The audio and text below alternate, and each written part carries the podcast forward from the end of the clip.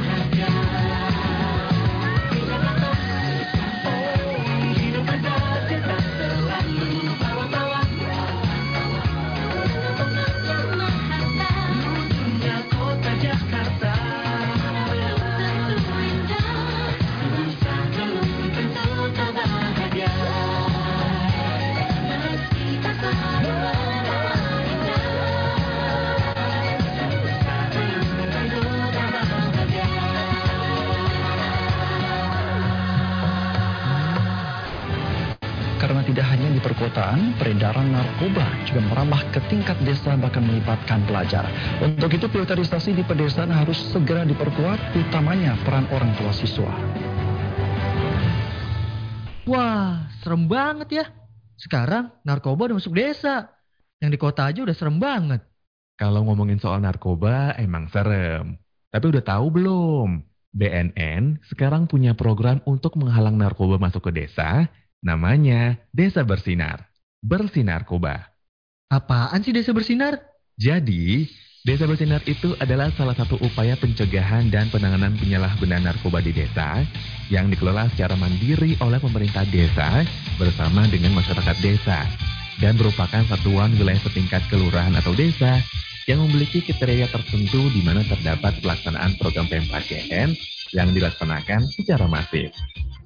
Keterlibatan pemerintah desa dalam memerangi narkoba merupakan sebuah strategi tepat sebagaimana diatur Undang-Undang Nomor 6 Tahun 2014 yang di mana desa mempunyai kewenangan dalam membina masyarakat desa untuk berhak mendapatkan pengayoman serta perlindungan dari gangguan ketentraman desa termasuk penyalahgunaan narkoba. Selain memiliki tujuan menciptakan kondisi aman dan tertib bagi masyarakat desa, dalam tahapan pemilihan desa bersinar tentunya memiliki beberapa kriteria, di antaranya membangun komitmen, menyusun program PMKTN untuk desa, hingga pelaksanaan desa bersinar. desa-desa yang berada di wilayah penyangga kota, pesisir pantai hingga yang berbatasan langsung dengan negara tetangga menjadi jalur yang sangat rawan akan peredaran gelap narkoba. Maka diperlukan ketahanan yang kuat dari desa untuk menanggulangi permasalahan narkoba. Ayo bersama-sama membantu BNN untuk perang melawan narkoba melalui Desa Bersinar, Bersinarkoba. Pesan ini dipersembahkan oleh Deputi Bidang Pencegahan Badan Narkotika Nasional. Jika narkoba streaming radio Sobat masih barengan sama Ilham Putra dan juga ada Ayah di CNS Corner barengan sama RTS dari Ciamis Sobat Jaga ada Mas Ridwan, ada Kelani dan juga ada Fajrian. Fajrian. Mungkin kita langsung aja ya take over ke Mas Ridwan nih untuk ngobrol atau tanya-tanya nih ke remaja teman sebaya dari Ciamis ada Fajrian dan Kailani. Oke Monggo. langsung silakan. Oh ini kalau bahasa Sunda ya Ciamis. Eh, terima kasih ini eh, Kang Ilham dan Teh Aya ya. Iya. Eh, ya ini mungkin eh, saya sendiri sebetulnya memang harus banyak komunikasi Kang dengan RTS ya. Jadi dengan adanya program di CNS Radio ini terima kasih sekali. Komunikasi kami jadi semakin intens gitu Kang. Ah. Dengan oleh radio ini seperti itu. Oke, siap. Terima kasih Bang. Jadi mungkin langsung saja saya ingin bertanya Kang ya. Mm-mm. Hmm. Jadi gini ya, eh, Dek Kailani maupun Dek Fajrian, jadi kami ini kan sebetulnya generasi tua ya, meskipun saya belum tua-tua banget sih. Gitu.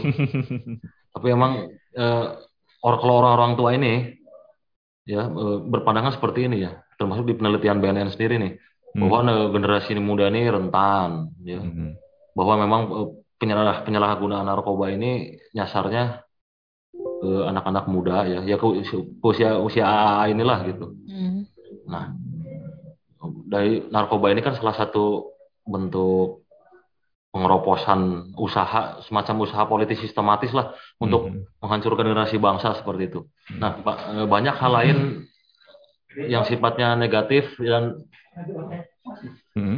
yang sifatnya perbudakan negatif itu juga dia sangat me- mengganggu kehidupan remaja seperti itu. Nah, misalnya, Hmm. sebetulnya dari sudut pandang eh, teman-teman sendiri ya, teman-teman RS sendiri sebagai yang memang generasinya itu seperti apa sih kehidupan itu? Betul betul nggak sih pandangan kami sebagai generasi yang tua itu bahwa kalian itu sebahaya itu, sevulnerable itu kehidupan kalian itu diringrong oleh. Nah itu betul nggak nih? Jangan-jangan kita yang takut atau seperti apa? seperti itu mungkin. Nah, bisa nggak teman-teman menjelaskan eh, seperti apa kehidupan yang yang kalian jalani ini seperti itu mungkin. Saya kira seperti itu sebagai untuk mengawali ya pertanyaan. Oke, boleh mungkin eh, Kelani sama Fajrian. Tadi udah kayak lu aja yang jawab. Iya, lu aja yang jawab, lu aja yang jawab. Siapa duluan yang mau menjelaskan? Apa harus di harus diulang pertanyaannya? Udah cukup jelas nggak, Dek? Gak usah, gak usah kayaknya. Iya jelas-jelas. Jelas. Oke, mungkin Kelani langsung aja ya, jawab Oke. boleh. Kelani? Oke, eh, mungkin saya Oh. mungkin ya. Eh, Oh, boleh, boleh, boleh, boleh. Oke, eh, eh, saya dulu mungkin yang jawab. Mhm. Tadi kan eh, bagaimana sih eh, narkoba itu mungkin dari pandangan eh, dari BNN sendiri dan sebagai generasi tua sendiri gitu kan narkoba itu adalah salah satu pengeroposan generasi muda ya. Kalau menurut saya memang benar bahwasanya narkoba itu merupakan pengeroposan generasi muda. Kita tahu bahwasanya generasi muda ini merupakan generasi penerus bangsa. Inna fi jadi syuban amra rumah, wa bi. Sesungguhnya pada tangan-tangan pemuda lahir dan pada kehidupan umat. Bahkan kan sudah dijelaskan bahwa syubbanu yaum dia pemuda hari ini adalah pemimpin di masa yang akan datang. Kita ambil misalnya kata kunci nih, pemimpin di masa yang akan datang. Nah, kita tahu bahwasanya eh, narkoba itu kan merusak saraf otak ya, merusak eh, saraf otak, merusak misalnya apa yang ada dalam tubuh itu kan benar-benar eh, merusak itu. Kita tahu bahwasanya seorang pemimpin itu, seorang pemimpin yang di masa depan Mhm. harus mengambil satu sebuah keputusan. Mhm. Nah, coba kita bayangkan, apabila dari generasi mudanya saja otaknya sudah rusak, kemudian dia naik menjadi seorang pemimpin nanti, bagaimana dia mau mengambil keputusan jika akalnya saja sudah kerusakan seperti itu dari generasi muda. Oleh karena itu, secara tidak langsung, narkoba ini merupakan pengeroposan. Tidak hanya pengeroposan generasi muda, tapi pengeroposan masa depan bangsa. Itu menurut saya. Saya sangat setuju bahwasanya narkoba merupakan pengeroposan generasi muda. Ya, mungkin cukup sekian dari saya, Kak. Terima kasih. Oke. Nah, kalau Kelani ini mungkin mau nge- eh, ngejawab yang ini ya. Fajrian. Eh, Fajrian mau ngejawab yang ini ya, se, se- bahaya itukah ya generasi muda gitu. Dengan eh, ya pergaulan-pergaulan gitu ya misalnya. Betul. Oh, Oke Kak, izin menjawab ya. Mhm. Oh, kalau ditanya baga- sebahaya berapa, seberapa bahayanya sih bagi kaum muda, bagi kaum remaja, ap, eh, what the narkoba, apa itu narkoba? Mhm. Menurut saya ya itu sangat sangat sangat berbahaya karena apa? Kata tadi sudah dikatakan oleh Kailani bahwa eh, narkoba itu merusak saraf ataupun eh, pengam- de- apa namanya? merusak otak atau segala rupa itu apa eh, akan merusak eh, daripada eh, pemuda-pemudi Indonesia yang akan nantinya sebagai generasi penerus bangsa. Dan itu eh, saya ulangi jika eh, pemuda-pemudinya saja udah terusak oleh yang namanya narkoba, narkotika, rokok, dan juga miras atau obat-obatan yang membahayakan bagi tubuh, eh, maka jelas masa depan bangsa akan binasa, itu akan hancur. Jadi menurut saya kesimpulannya eh, untuk ini nih untuk kaum kaum remaja yang lagi menonton live ini jadi jauhilah eh, apa itu narkoba dan jangan pernah mencobanya karena jika eh, teman-teman semua mencoba narkoba tersebut Mhm. wah itu sudah bahaya bahaya level tertinggi gitu lah istilahnya begitu kan Oke. Siap. Ya semuanya dua-duanya udah pada sadar ya. Mhm. Bagus sekali. Tapi nanti mungkin kita harus explore lebih jauh nih masalah ini mungkin ya. Kang Ilham ya dan saya. Mhm. Mungkin satu pertanyaan lagi ya. Boleh, boleh, boleh. Terus kita ini jadi nah gini nih, Dek, eh, ini menurut ini menurut BNN ya. Jadi ini harus diketahui juga oleh anak muda seperti itu. Jadi jadi gini, BNN maupun kan BNN itu ada BNN tingkat dunianya nih gitu kan ya. Kalau kita nasional namanya BNN. Nah, kalau PBB itu juga punya BNN namanya UNODC gitu kan. United Nation of Drugs Crime and eh, eh, of eh, Drugs and Extraordinary Crime gitu. Jadi organisasi PBB yang menangani eh, persoalan obat-obatan ya narkotika dan juga kejahatan luar biasa lainnya. Nah, memang narkoba ini kita sudah sama-sama mendengar ya bahwa narkotika itu kan sudah masuk ke dalam kejahatan luar biasa, extraordinary crime gitu.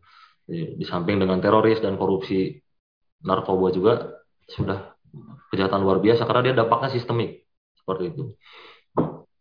Nah, UNEDC maupun dengan BNN kembali ke tadi itu kita sepakat bahwa eh, masalah narkotika di kalangan remaja itu tidak tidak sifatnya langsung loh adik-adik ini yang harus diketahui bersama. Jadi tidak ada bandar itu katakanlah para pengedar itu eh, datang menawarkan terus di- diterima oleh remaja. Oh tidak seperti itu, tidak sementah itu loh. Mhm.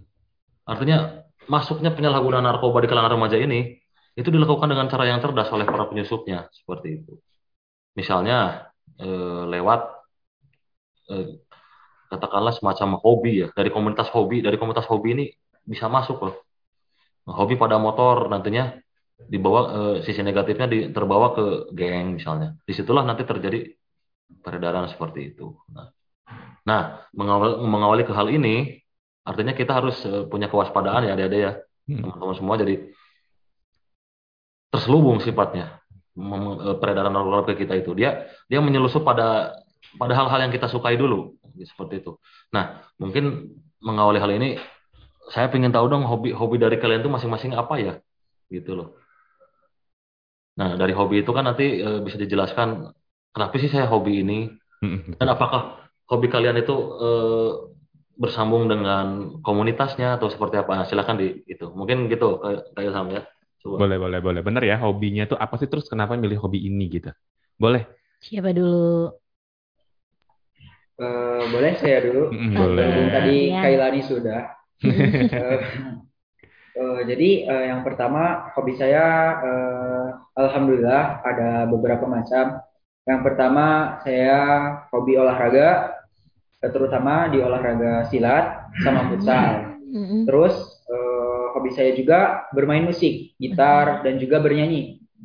Oke, terus ken- kenapa sih saya suka hobi tersebut dan apakah hobi tersebut mampu mencegah saya, terutama diri saya, eh, untuk terjauh dari hal-hal yang negatif, terutamanya narkoba. Tentu saja eh, kita semua itu hidup ingin menginginkan hidup yang sehat dan di antaranya menjauhi narkoba dan sering-seringlah berolahraga ataupun berekreasi seperti bermain musik, bernyanyi dan tentu saja hobi saya ini alhamdulillah eh, bisa menghilangkan hal-hal negatif yang eh, saya alami itu. Contohnya menghilangkan amit-amit ya Kak, eh, menghilangkan dari yang namanya pergaulan apa Mhm. terus eh, apa penyalahgunaan narkoba dan obat-obatan. Jadi saya kalau misalkan ada waktu luang nih suka main musik, terus bernyanyi. Kalau ada teman ngajak futsal, saya futsal. Sama juga eh, saya alhamdulillah so- eh, hobi silat gitu. Jadi selain mampu mencegah eh, diri sendiri dari penyakit dan juga eh, membuat diri kita seba- eh, menjadi bugar, eh, sehat, eh, hobi saya juga alhamdulillah menghindarkan eh, diri saya ke hal-hal yang negatif terutamanya penyalahgunaan obat-obatan dan juga narkoba gitu. Silakan Kailani. Mantap. Ini aktif ya. aktif. Sebelum ke Kailani, Fajrian aktif banget, banyak banget hobinya dan insya Allah ya hobi-hobinya yang positif semua. Oh, oke. Sekarang gantian. Kailani. Oke, eh, terima kasih ya Kak, atas kesempatannya berbicara tentang misalnya narkoba itu eh, masuk ke dalam hobi kita ya. Memang mungkin eh, sekarang-sekarang ini kejahatan lebih cerdas lagi gitu kan terorganisirnya. Kadang mereka masuk ke dunia kita dengan masuk misalnya salah satunya dengan hobi. Nah, untuk misalnya eh, hobi saya apa? Kalau misalnya hobi itu, ya saya memiliki beberapa hobi Kak. Mungkin yang pertama eh, hobi saya itu membaca. Jadi membaca apa? Saya senang saya senang membaca eh, buku-buku kontemporer gitu kan, buku-buku tentang Oh, oke, oke, dongeng oke. gitu. Ya, jadi seperti merefleksi diri lah gitu kan, merefleksi Hmm. diri. Eh, semakin sini deh, eh, saya itu semakin benar atau semakin salah gitu kan. Karena saya ini adalah orang yang butuh motivasi, jadi sering-sering membaca buku motivasi yang di mana eh, motivasi itu mengarahkan saya pada hal-hal baik. Nah, kemudian yang kedua, dan misalnya buku itu, buku misalnya buku-buku motivasi yang saya baca, saya itu eh, senang mencoba hal-hal baru. Nah, mungkin eh, senang mencoba hal-hal baru di sini merupakan salah satu eh, kriteria rentan gitu kan kak dalam misalnya untuk penyebaran apa untuk kriteria remaja yang eh, mudah terkena narkoba itu karena mencoba hal baru. Cuman karena saya menyadari bahwasannya eh, masa sekarang saya adalah masa-masa ingin mencoba hal baru, saya bertekad untuk mengarahkan eh, apa keinginan tahu saya, keinginan tahu saya itu pada hal-hal yang baik. Jadi saya tidak mau misalnya eh, masa muda saya itu diisi dengan hal-hal yang buruk seperti narkoba seperti, atau seperti ini. Jadi saya mengarahkan pada hal-hal yang baik itu misalnya eh, ikut lomba, misalnya ikut eh, karya tulis atau misalnya menulis atau misalnya ikut event-event eh, di luar gitu kan. Menyibukkan diri dengan hal-hal positif saya selalu berusaha untuk itu karena saya tahu kalau misalnya saya sudah eh, apa terjerumus pada satu hal yang buruk, takutnya nanti malah terus terjerumus dan terus kecanduan daripada saya kecanduan narkoba, lebih baik saya kecanduan hal-hal baik. Nah, seperti itu. Kasih. Betul. Lebih baik kecanduan hal-hal yang baik. Penting tuh ya kecanduannya hal-hal baik. Oke, tadi udah sedikit apa namanya sedikit tahu lah ya tentang gimana sih Kellen dan juga Fazrian. ini seperti apa hobinya khususnya ya. Jadi Mhm. sobat Jika mungkin mau nanya lebih lagi tentang kedua RTS ini atau mungkin sama BNNK Cimais, eh Cimais lagi Ciamis. Ciamis. Boleh banget nih.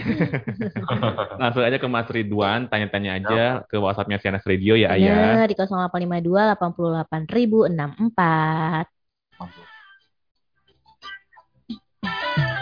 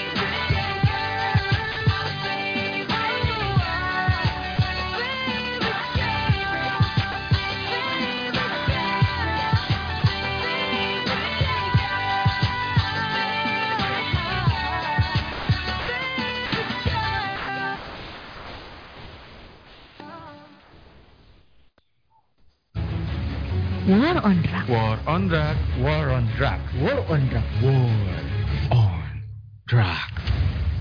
Jika Narkoba Streaming Radio, Sobat Ciga masih di CNS Corner ya, Ang? Iya. Dan barengan sama remaja teman sebaya atau RTS dari BNNK Ciamis nih. Kita langsung lagi take over ke Mas Ridwan. Mas Ridwan boleh ngobrol lagi sama Fajrian dan Oke, Kailani. silakan Mas Ridwan. Oke, terima kasih Kang Ilham dan Dahaya. Eh, Ya. Kita tadi udah eh, mendengarkan ya nah, masalah hobi. Bagus sekali ya ada rekan remaja ini. Hmm. Mereka punya hobi yang positif meskipun dua karakter berbeda ya. Yang satu Betul. sifatnya lebih ke fisik ya kayak Fajri yang senang silat, futsal. Yang kedua Dekailani yang lebih ke hobi yang Membaca. ini bagus ya membaca ya. Jadi ini calon ilmuwan kalau Dekailani ini. Yang satu calon atlet, Pak. Ini ya makanya ini representatif nih menarik banget gitu. Nah, itu sangat bagus ya eh, adik-adik punya hobi yang seperti itu tapi mungkin ada satu hal yang sebagai saya saya kan membaca kasus nih ya, kasus lalu dari zaman dulu harus ada hal yang saya sampaikan terkait hobi ini. Hmm, hmm, hmm. Jadi eh, narkotika itu ternyata tidak menyasar penyalahgunaannya ya, Hmm. tidak menyasar ke sifatnya yang neg- pergaulan negatif saja loh. Bahkan dia bisa meracuni pergaulan positif juga. Oke, betul. Nah, sebagai contoh seperti ini, saya merasakan betul sebagai generasi yang eh, masa mudanya di tahun 2000-an, saya kan gitu kan. Nah, di atas saya pun gitu senior-senior saya yang mereka sekitar tahun tahun 96 menjadi sudah menjadi remaja saat itu. Ini berkaca pada sejarah juga ya. Jadi banyak juga penyalahgunaan narkoba itu ada di komunitas olahraga, deh, seperti itu. Hmm. Ya, jadi saya katakan dengan lugas ya, karena tidak boleh dikias-kias. Jadi banyak anak-anak muda yang senang main bola, biar mereka kuat eh, Hmm. main bolanya, mereka memakai sabu. Itu Betul. ada, itu ter- itu terjadi di zaman dulu, seperti itu. Bahkan sekarang pun, mohon maaf, ada aja kasus seperti itu. Ya, Eh, di kampung-kampung, di pelosok-pelosok itu ada.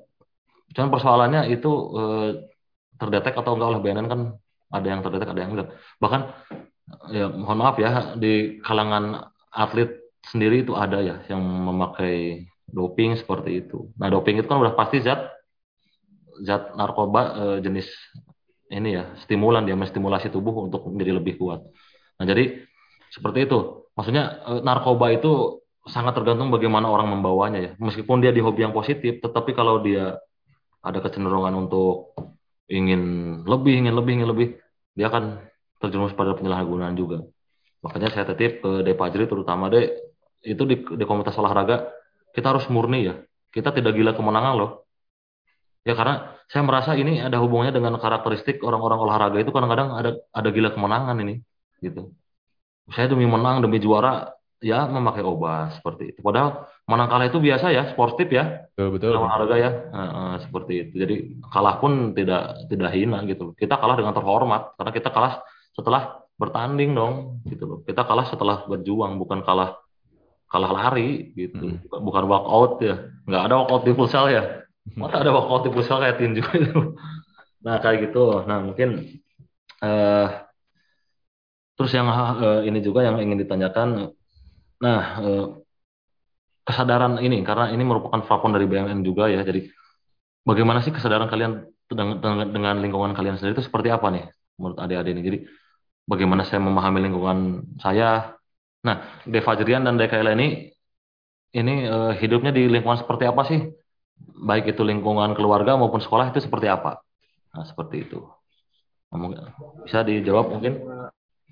Baik kak, Eh, mungkin eh, saya akan menjawab ya kak. Mhm. Bagaimana sih eh, lingkungan saya di lingkungan keluarga dan di lingkungan sekolah? Sekarang saya eh, ikut ya kak. Eh, tentu kalau misalnya eh, saya hidup alhamdulillah di lingkungan keluarga yang alhamdulillah baik juga. Eh, jadi saya adalah eh, anak yang eh, katakanlah dijaga gitu. Jadi dijaga dari sejak kecil dari yang namanya pergaulan-pergaulan yang tidak baik. Ayah ibu saya selalu membekali saya dengan bekal-bekal yang baik, yaitu eh, tidak lain adalah misalnya eh, pepatah, misalnya ilmu-ilmu agama itu dari sejak eh, keluarga saya. Jadi eh, apa? Eh, madrasah apa? Keluarga merupakan madrasatul ula. Jadi pendidikan pertama saya berada di, di keluarga gitu kan.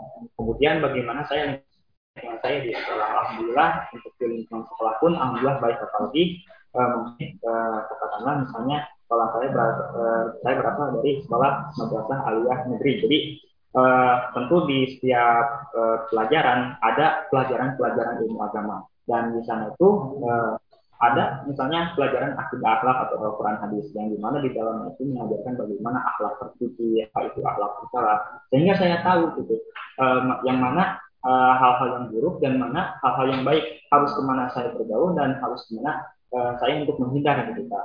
apalagi juga eh, saya berada di lingkungan pesantren yang di mana eh, mungkin setiap sore eh, malam kemudian di eh, waktu subuh itu di lingkungan pesantren itu selalu diadakan eh, mengaji jadi eh, untuk misalnya lingkungan alhamdulillah saya bisa mengenal teman-teman saya yang eh, sangat beragam gitu kan bisa saling berbagi ilmu, saling berbagi pengalaman. Mereka punya pengalaman yang masing-masing dari mana misalnya kehidupannya dulu ketika di SMP atau MTS. Jadi saya bisa mengambil pengalaman dari mereka, baik dari mereka yang mungkin eh, adalah misalnya katakanlah orang-orang yang rajin, ataupun misalnya orang-orang yang senantiasa lebih banyak di luar daripada belajarnya. Tapi saya mengambil pelajaran dari mereka. Dan alhamdulillah di lingkungan keluarga maupun di lingkungan sekolah maupun pesantren eh, semuanya bersinar, jadi bersih dari narkoba. Alhamdulillah. Oh, benar banget bersinar ya, bersinar narkoba. Oke, kalau versi Azrian ya. Eh, Oke, alhamdulillah ya. Eh, yang pertama saya jelasin dulu ya dari lingkung eh, dari diri saya sendiri. Eh, dari kecil saya di alhamdulillah mempunyai pendidikan dari orang tua saya.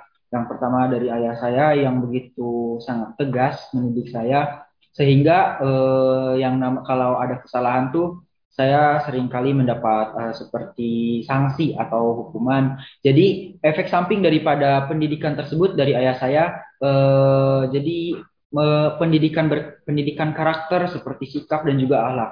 Kemudian juga eh, alhamdulillah saya mempunyai ibu yang sangat hebat. Dia berhasil eh, merayu hati saya agar ah, yang negatif-negatif itu terhindarlah seperti itu.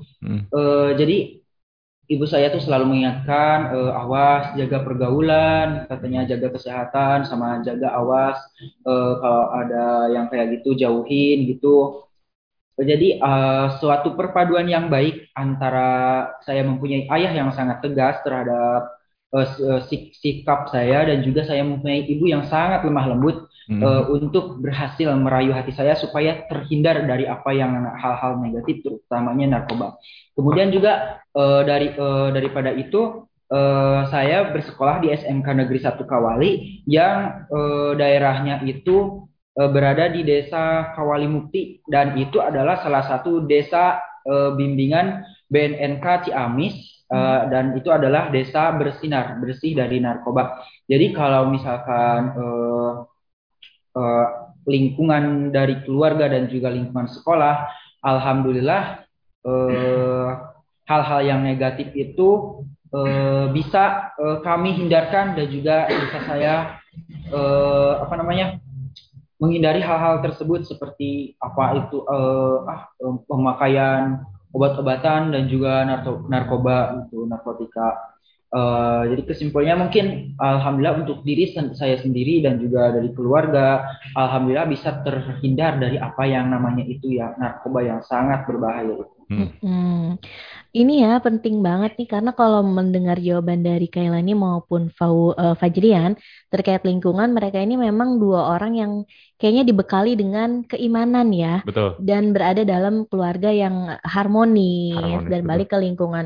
Tadi Kailani di sekolah Madrasah Alia, terus juga SMK yang emang dinaungi BNN. Apalagi eh, Betul. desanya desa bersinar. Bener. Selain memang dari lingkungan yang juga Islamik juga ya, Mm-mm. dia juga dibekali dengan informasi-informasi bahaya penyalahgunaan narkoba yang memang juga harus dihindra, dihindari sobat cegah. Karena memang lingkungan adalah salah satu faktor terpenting Mm-mm. dalam penyalahgunaan narkoba. Betul. Oke, kita akan balik lagi nih sobat cegah. Mm-mm. eh kalau ngobrol-ngobrol lagi, jadi kita, kita kasih kesempatan sama kamu sobat juga yang mau nanya. Jangan lupa untuk nanya di live chatnya YouTube eh, channel Cegah Narkoba udah banyak banget ya yang Iya. respon juga. Kita masih tungguin sobat juga, jadi jangan lupa untuk streaming terus ya.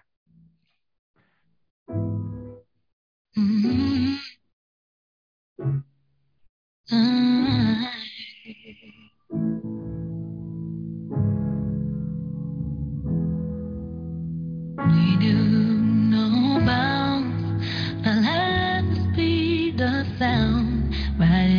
again.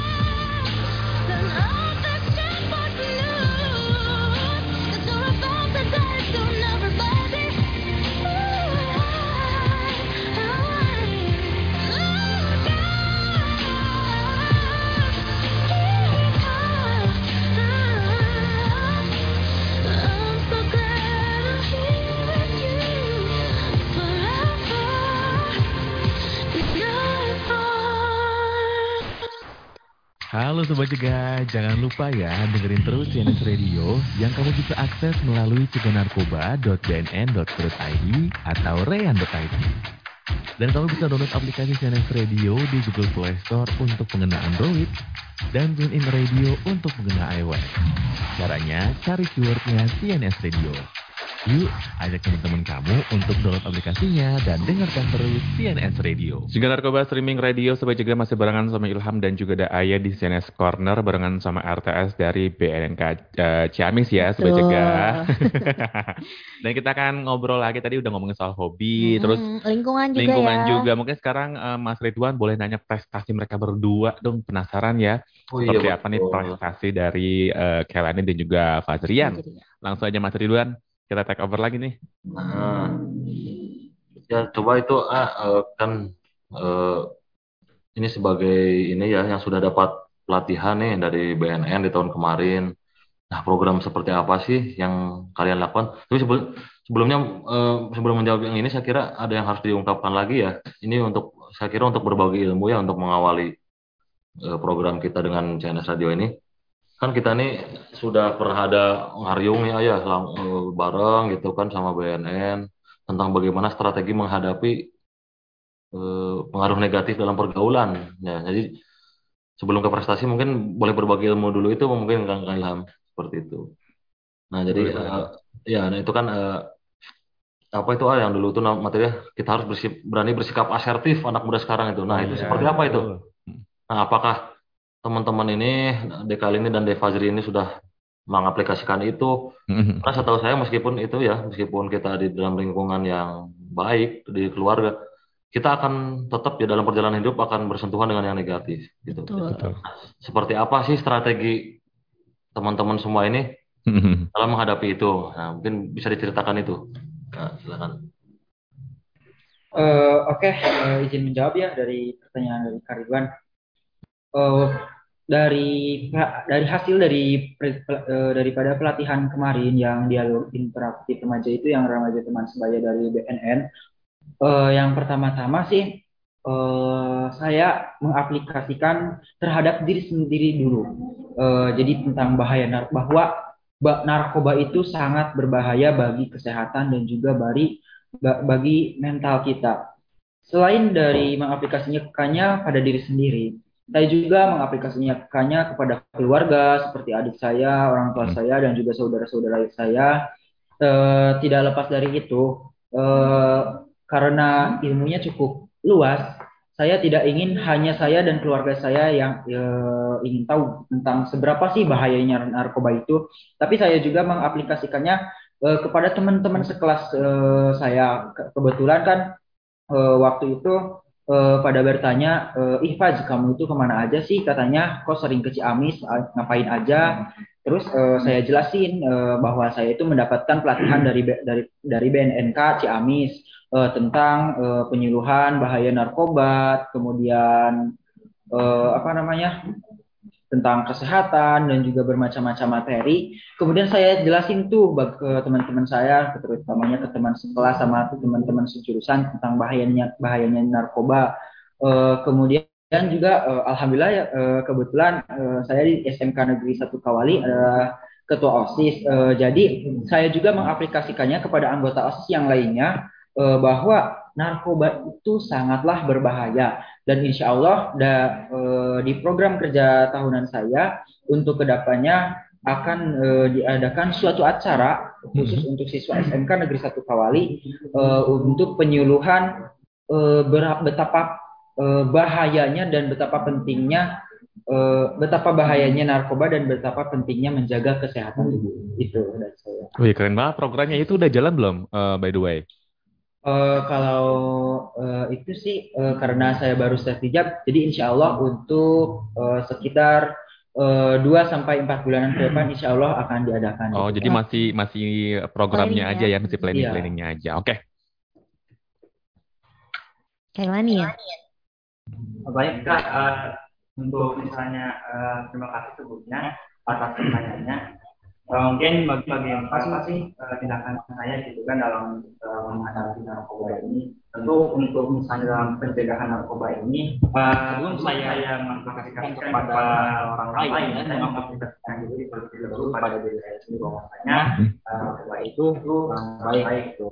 Terus, eh, bagaimana sih eh, tindak lanjutnya? Tindak lanjutnya secara tidak langsung saya saya menyebarkan apa sosialisasi anti ini ini pada keluarga saya, misalnya kepada adik saya bahwasanya berhati-hatilah misalnya dalam memilih makanan karena dalam itu ada yang namanya narkoba atau diselipkan narkoba juga kepada orang tua saya. Kemudian misalnya kan eh, kemarin itu kan eh, kita ada yang namanya eh, dialog interaktif remaja di mana kita diberikan penyuluhan seputar narkoba. gitu. Nah, dari situlah awal saya bagaimana saya eh, menyebarkan sosialisasi anti narkoba ini kepada teman-teman. Ceritanya agak lucu sih sebenarnya. Eh, ketika saya mengupload foto saya bareng-bareng bersama teman-teman gitu, teman-teman pada nanya, sebenarnya kamu ikut partai apa? gitu pakai baju biru kayak gitu. Nah, dari sana kan eh, saya kan eh, jawab gitu kan ini bukan partai gitu kan. Ini kita eh, ikut serta dalam acara dialog interaktif remaja di mana kita belajar bagaimana anti narkoba. Mulai dari misalnya apa itu narkoba kemudian narkoba dilihat dari sudut pandang hukum narkoba misalnya dilihat dari sudut pandang eh, apa sosial kemudian misalnya kesehatan sampai misalnya eh, narkoba dilihat eh, dari sudut pandang yang lebih jauh lagi gitu Pak. Nah kemudian bagaimana sih eh, cara saya menyebarkan anti narkoba ini kepada eh, yang lebih luas lagi gitu. Nah, untuk menyebarkan sosialisasi narkoba saya yang lebih luas lagi, sebenarnya saya telah menyebarkannya secara tidak langsung. Kebetulan kemarin alhamdulillah saya terpilih menjadi duta moderasi beragama tingkat nasional dari Provinsi Jawa Barat. Nah, dalam eh, program duta saya di sana ada yang namanya eh, sosialisasi eh, banget. apa moderasi beragama. Sebenarnya yang diambil itu bukan tentang bagaimana kita beragama. Ya, memang beragama kita diambil bagaimana kita membekali diri dengan eh, ilmu agama, keimanan yang baik. Nah, cuman eh, lebih ke bagaimana eh, yang namanya moderat moderat itu adalah kita bersikap tengah, tidak ekstrim karena tidak ekstrim yaitu tidak apa ya, tidak radikalisme atau misalnya tidak mengambil jalan yang salah gitu kan. Nah, di sana itu eh, saya secara tidak langsung mensosialisasikan eh, bagaimana kita sebagai generasi Z atau generasi milenial itu hidup eh, lebih baik. Bagaimana kita hidup apa bersama dengan lingkungan kita. Ketika kita misalnya melihat lingkungan-lingkungan yang buruk atau teman-teman yang buruk, di sana saya mendapatkan bekal bahwasanya jangan eh, jangan langsung kita itu apa mencabut benih buruk, tapi lebih baik kita merawat benih-benih baik sehingga benih-benih buruk itu akan apa eh, tertutupi oleh benih-benih baik. Dan itu merupakan salah satu cara sosialisasi anti narkoba yang baik gitu kan daripada misalnya kita secara frontal apa mensosialisasikan bahwasanya eh, kamu tidak baik menggunakan narkoba, lebih baik kita sedikit demi sedikit ajak teman-teman kita untuk melakukan hal-hal baik sehingga akan disebutkan dengan hal baik dan insya Allah akan jauh dari yang namanya hal-hal buruk, terutama yang namanya narkoba. Dan eh, di sisi lain juga, saya sebagai ketua OSIS satu Darussalam Ciamis juga, insya Allah bisa eh, ikut mensosialisasikan eh, penyuluhan anti narkoba ini di sekolah saya yang mungkin akan disosialisasikan eh, beberapa bulan ke depan Kak, gitu. Jadi eh, insya Allah selain misalnya menjadikan diri saya bersinar, lingkungan saya bersinar, kemudian eh, teman-teman saya bersinar, sekolah, sekolah saya bersinar, yang berarti bahwa bersih dari narkoba, mungkin ini merupakan eh, cara kecil yang saya syukuri untuk menjadikan Indonesia yang bersinar, yaitu Indonesia yang bersih dari narkoba. Mungkin cukup sekian Kak, terima kasih. Assalamualaikum. Oh. Aduh, keren-keren banget Iya jawaban-jawabannya benar, ini ya. Fajrian sama Kailan ini sebenarnya udah punya ketiga unsur ya Am.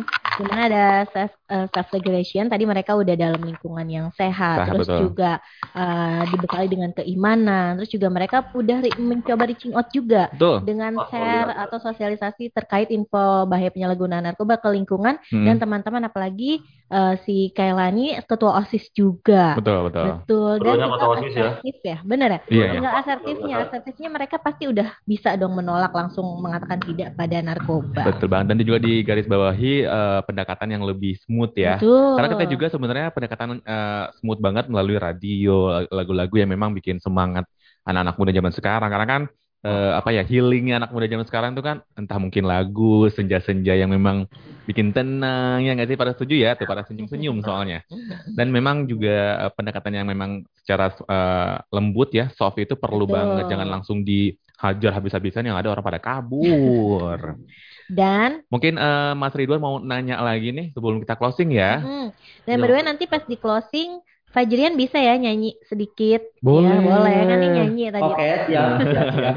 Oke, Mas Ridwan.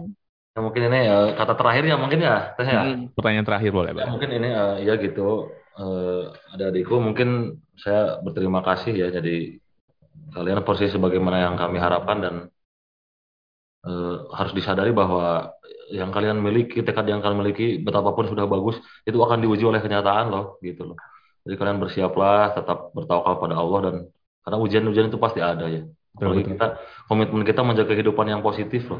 Itu ujiannya tidak mudah, Berat ya. terus terang aja. Iya berat seperti itu. Tapi pada intinya kita setuju ya bahwa kalau eh, perilaku-perilaku negatif itu eh, juga datang secara berkelompok ya, kita pun harus memilih mementingnya dengan ber- berkelompok juga gitu loh. Jadi orang-orang yang positif ini harus ngegeng juga gitu. Nah, gitu mungkin ya. betul betul betul betul betul. Jadi jangan jadi, jadi jangan yang yang negatif-negatif aja ngegeng, kita juga ngegeng dong. Kita gengnya Hmm. yang positif seperti itu. Nah, mungkin ya. Jadi ini luar biasa Fajrian dan Kailani. Saya berharap dengan semangat ini juga kalian lebih berprestasi lagi ya. Karena Amin.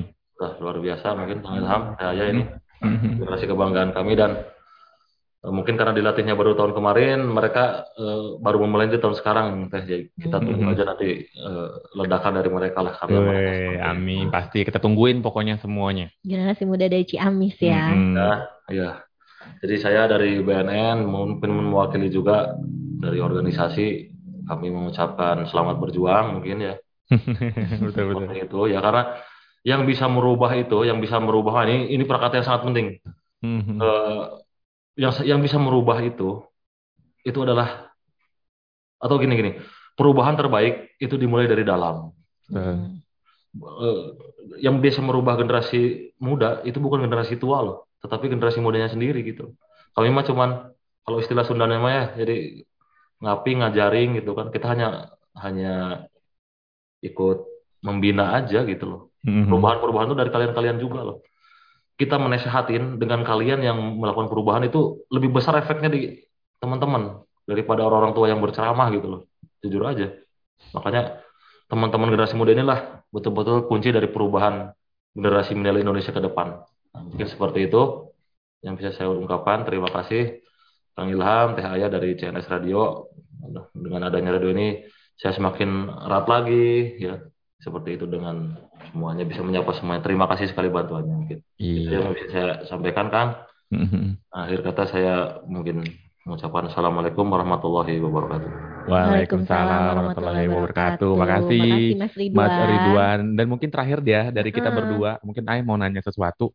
Kalau ke Kailani, eh, kalau Fajrian nanti di closing kita nyanyi, Nyanyi ya. Pokoknya iya. Heeh, Kalau kalian aja ya. Heeh, kayak Kailani sama Fajrian tuh eh, kan dalam lingkungan yang tadi memang udah dijelasin sebenarnya pengen nanya di tadi gitu Mhm. Ami. Jadi kayak penasaran banget sih mereka nih kayak nggak nggak terkontaminasi sama hal-hal yang negatif. Betul. Padahal benar tadi Mas Ridwan bilang bahwa kenyataannya Mhm. pasti walaupun kita berada di lingkungan yang baik, Baik. positif apa pun, itu pasti tetap ada yang namanya Hal terdu tak terduga ya. bener Hmm. hal yang tak terduga. Nah, satu aja poin eh, dari Kailani maupun Fajrian, benteng utama kalian itu apa sih untuk membuat satu pencegahan Hmm. atau protek terhadap diri sendiri dari hal negatif, yaitu di sini bahaya penyalahgunaan narkoba.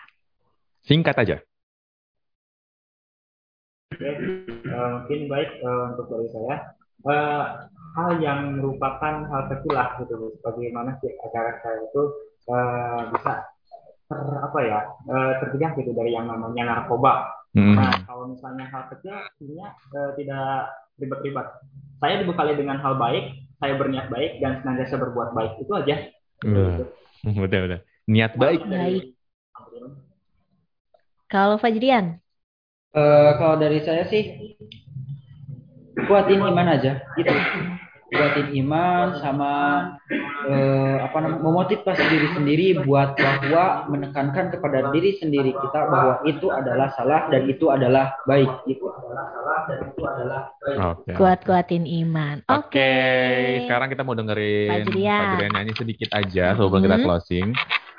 Live-nya aja langsung. Atau mungkin punya lagu ciptaannya Fajrian sendiri Boleh, nih. boleh, Ada boleh. nggak lagu ciptaannya? Boleh kalau ada lagu ciptaannya sendiri ya, Am. Hmm. Hmm.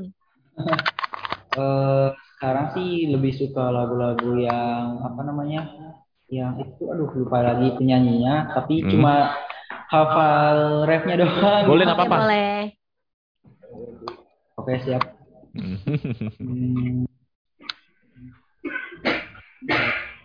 Andai ada keajaiban ingin ku ukirkan namamu di atas bintang-bintang angkasa agar semua tahu kau berarti untukku selama-lamanya kamu milikku Yeay. Oke, pas banget jam 3 nih ya. Terima kasih udah menghibur kita juga Betul. dari Kelani juga Fazrian terus juga Mas Ridwan. Mas Ridwan dan juga BNNK dari eh, Ciamis. Terima Betul. kasih banget udah datang di CNS Radio. Hmm. Mudah-mudahan kita juga tunggu nih program-program dari RTS eh, Ciamis untuk bisa Kolaborasi lagi kolaborasi ya. lagi dan betul. juga bisa menyebarkan informasi dari penyalahgunaan narkoba ya. Kita Hmm. pamit dan sobat juga terima kasih udah streaming ya Ayah. Udah ngeliat juga di ngeliat, udah nonton di channel YouTube betul. Kita pamit ya. Ketemu lagi di lain kesempatan. And see bye bye. Tuh. Turun.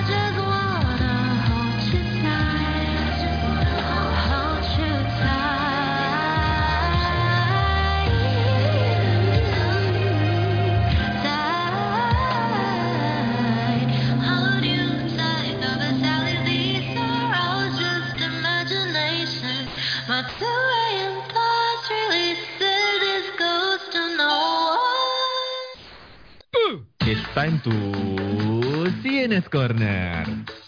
Di sini tempatnya kamu untuk ikut andil dalam perang melawan narkoba. Sianas, Sianas Corner.